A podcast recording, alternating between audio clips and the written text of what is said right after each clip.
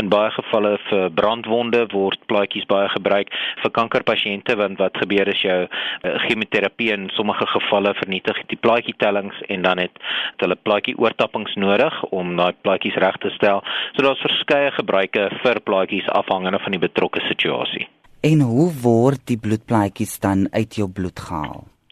So wanneer jy normaalweg bloed skenk by 'n winkelsentrum of by een van ons gewone skenkersentrums, dan uh vat ons daai heelbloed eenheid, ons sit dit in 'n sentrifuge en dit word dan uh afgespin tot dit die bloed skei en dan kan ons die plaatjies die plasma en die rooi bloedselle van dit af maak. Maar dan pasiënte wat baie plaatjies ontvang of immuunprobleme het sal wat ons noem apheresis plaatjies of apherese plaatjies gebruik. Nou dis wanneer een uh, individu daai plaatjies skenk. Nou jy kan dit by ons multidissiplinêre skenkersentrums doen waar jy skenk bloed baie soortgelyk in die normale proses behalwe dat die bloed dan in 'n masjien gaan wat hulle noem 'n cell separator.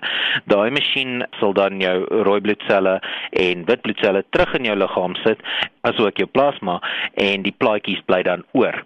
Daai plaatjies word dan gebruik vir spesifiek jou jou pasiënte wat baie plaatjies sal ontvang.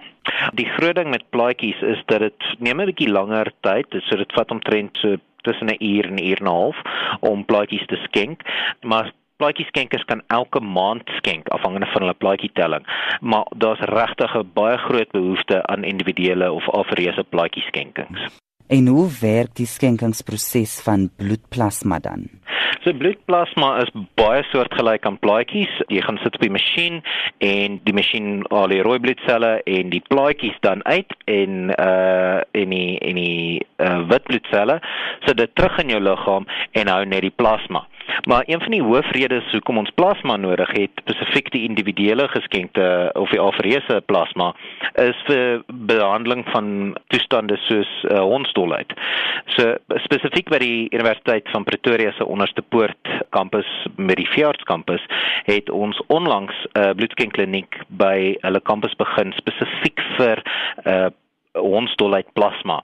Wat gebeur is daai hondstolheid plasma word dan na die National Bioproducts Institute in Durban gestuur waar dit dan na 'n lang proses in 'n produk genoem 'n uh, rabies immunoglobulin gemaak word wat gebruik word vir die voorkomende behandeling van hondstolheid. Die groot ding met plasma ook is dat plasma skenkers kan tot elke 2 weke skenk afhangende van hoe, hoe hoog hulle teenliggaampie getalle is. Wat sal gebeur as jy sê net ons dolheid plasma wil skenk, sal ons jou inentings gee en dan totdat jou liggaam se teenliggaampie so, tot op 'n betrokke vlak is en dan van daar af sal jy dan jou uh, ons dolheid plasma kan skenk. Behalwe vir ons dolheid is daar enige ander gebruike vir bloedplasma? Absoluut, so met jou heelbloedplasma, dit kan tot 'n jaar geberg word. Hulle maak verskeie produkte onder andere wat hulle noem faktor 8 wat ook vir die stolling van bloed gebruik word en vir die behandeling van gevalle soos hemofilia. Daar's ook behandeling van plasma vir shingles as ook wat hulle noem anti-D.